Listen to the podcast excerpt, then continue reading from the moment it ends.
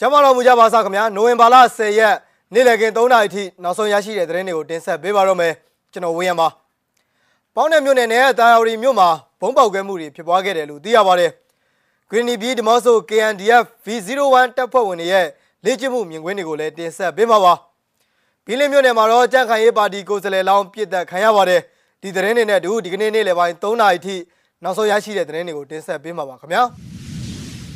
ပထမဆုံးအနေနဲ့တင်ဆက်ပေးခြင်းတဲ့သတင်းတစ်ပုဒ်ကတော့ပဲခူးတိုင်းဒေသကြီးအနောက်ချမ်းပေါင်းနယ်မြို့နယ်တာယာရီမြို့တွေမှာမနေ့ကနိုဝင်ဘာလ9ရက်ကဘုံပေါက်ကွဲမှုဖြစ်ပွားခဲ့ကြောင်းသိရပါတယ်ခင်ဗျာပြည်ခရိုင်ပေါင်းနယ်မြို့အရှေ့လန်းမင်းကွက်တိရက်ကွက်မှာရှိတဲ့မြမလေယာဖွံ့ဖြိုးရေးဗန်ယုံအတွင်းမှာမနေ့ကညနေ6နာရီမိနစ်30အချိန်လောက်က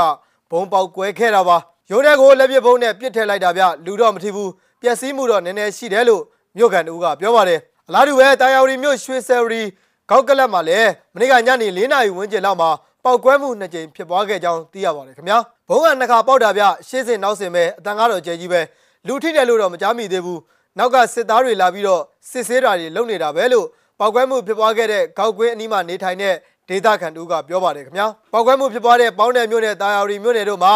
စစ်ကောင်စီတပ်သားတွေကလမ်းတွေပိတ်ဆို့ရှာဖွေနေတာတွေ ဖမ်းဆီးစစ်ဆေးမှုတွေပြုလုပ်ခဲ့ကြောင်းသိရပါတယ်အဲ့ဒီဘုံပေါက်ကွဲမှုတွေကိုဘယ်အဖွဲ့အစည်းကပြုလုပ်တယ်ဆိုတာကိုတော့မသိရသေးပါဘူးခင်ဗျာ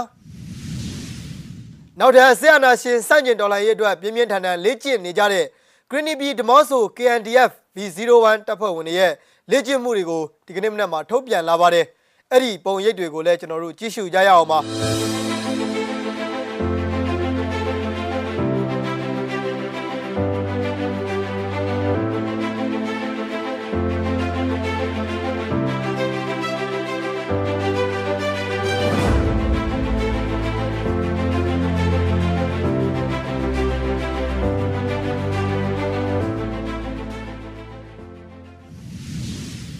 နောက်ထပ်သတင်းတစ်ပုဒ်အနေနဲ့မွန်ပြည်နယ်ဘီလင်းမြို့နယ်ဇိုးတုတ်ကျေးရွာကကြန့်ခိုင်ရေးပါတီကိုယ်စားလှယ်လောင်းဦးစန်းထွန်းဦးတနက်နေ့ပြစ်ခံရပြီးတေဆုံးသွားကြောင်းဒေသခံတွေထံကသိရပါတယ်။မနေ့ကနိုဝင်ဘာလ9ရက်ည9နာရီခန့်လောက်မှာဇိုးတုတ်ကျေးရွာတိုင်းနယ်ဆေးရုံရှိမှရှိနေတဲ့အချိန်ဘီလင်းပြောက်ကြားအဖွဲ့တစ်ဖွဲ့ကဆိုင်ငယ်နဲ့လာရောက်ပြစ်ခတ်သွားတာလည်းဖြစ်ပါတယ်။ပထမ၃ချက်ပြစ်တာရင်မက်ကိုတစ်ချက်ထိတယ်။၄ချက်မြောက်ကတော့နဖူးကိုတစ်ပစ်လိုက်တယ်။သူတို့ကအရက်ထိုင်တောက်နေတာလို့ကြားတယ်။ပွဲချင်းပြီးသေးတယ်။လောက်တာကတော့ကျွန်တော်တို့အထက်ကလူတွေပါပဲလို့ ဘီလင်းဒေါ်လာရေးအဖွဲ့အစည်း BRO အဖွဲ့ဝင်တို့ကမစ္စည်းမကိုပြောပါတယ်အသက်40ရွယ်ဦးစန်းထုံးကတော့ဇုတ်တုတ်ကျေးရွာဇာတိဖြစ်ပြီးတော့2020ရွေးကောက်ပွဲမှာပြည်ထောင်စုကြံ့ခိုင်ရေးနဲ့ဖွံ့ဖြိုးရေးပါတီရဲ့ဘီလင်းမြို့နယ်ပြည်နယ်လွှတ်တော်ကိုယ်စားလှယ်လောင်းအဖြစ်နဲ့ဝင်ရောက်ရှင်ပြိုင်ခဲ့ပြီးတော့အနိုင်ရရှိခြင်းတော့မရှိခဲ့ပါဘူးသူပြည်သက်ခံရပြီးတဲ့နောက်စစ်ကောင်စီတပ်ဖွဲ့ဝင်တွေကကျေးရွာတွင်းမှာရှာဖွေစစ်ဆေးမှုတွေပြုလုပ်ခဲ့ကြတယ်လို့ဒေသခံတွေကပြောဆိုကြပါတယ်ပြီးခဲ့တဲ့မေလ29ရက်ကလည်းဘီလင်းမြို့နယ်ကြံ့ခိုင်ရေးပါတီဥက္ကဋ္ဌဦးမြင့်ဆွေတနက်နဲ့ပြစ်ခတ်ခံရပြီး တည်ဆုံခဲ့ရပါတယ်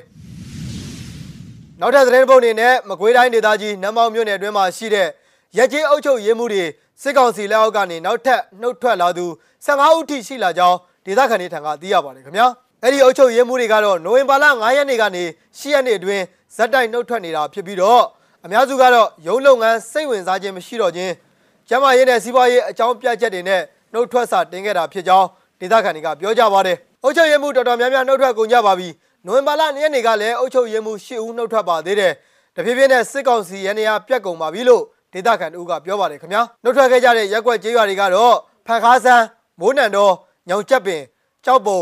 ကျွန်းချောင်းလက်ခတ်ပင်ဈေးရက်ွက်ဆယ်ကြီးတစ်လာချင်းတမုံကုန်းကြီးဒီဒုတ်ခင်လင်ကတိုမြို့မရက်ွက် ကြောက်တရားစုံကုန်းကြီးတို့ကအုပ်စုအုပ်ချုပ်ရေးမှုယာယီမှုတွေဖြစ်ကြောင်းဒေသခံတွေထံကသိရပါတယ်ပြီးခဲ့တဲ့နိုဝင်ဘာလ၁ရက်နေ့ကလည်းနမောက်မြို့နယ်မှာရှိတဲ့ပညာရေးမှုရုံးမှာတာဝန်ထမ်းဆောင်နေတဲ့ဒုဦးစီးမှုဒလန်ဆိုသူကိုဗေဒနို PDF ကဓာတ်နဲ့ရှင်းလင်းခဲ့ကြောင်းအဲ့ဒီအဖွဲ့ကထုတ်ပြန်ထားတာရှိခဲ့ပါတယ်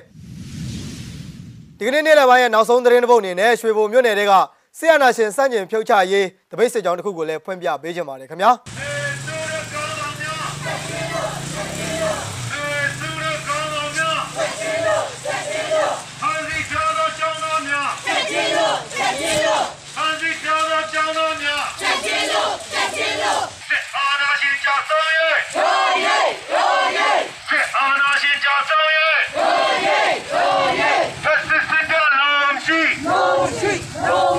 ဖက်စစ်စစ်ကလုံးရှိလုံးရှိလုံးရှိဖက်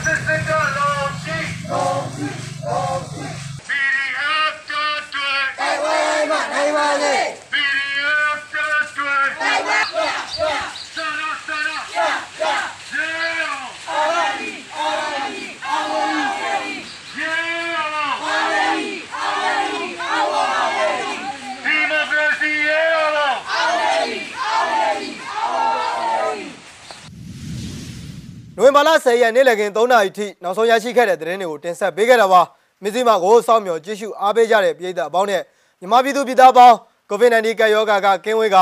ဆေးအာနာရှင်စနစ်ဆိုးလက်အောက်ကအမြန်ဆုံးလွတ်မြောက်ကြပါစေကြောင်းဆုမွန်ကောင်းတောင်းလိုက်ရပါတယ်ထူးခြားတဲ့သတင်းတွေနဲ့အတူနောက်ရက်တွေမှာကျွန်တော်တို့ပြန်လည်ဆုံတွေ့ကြပါမယ်ခင်ဗျာ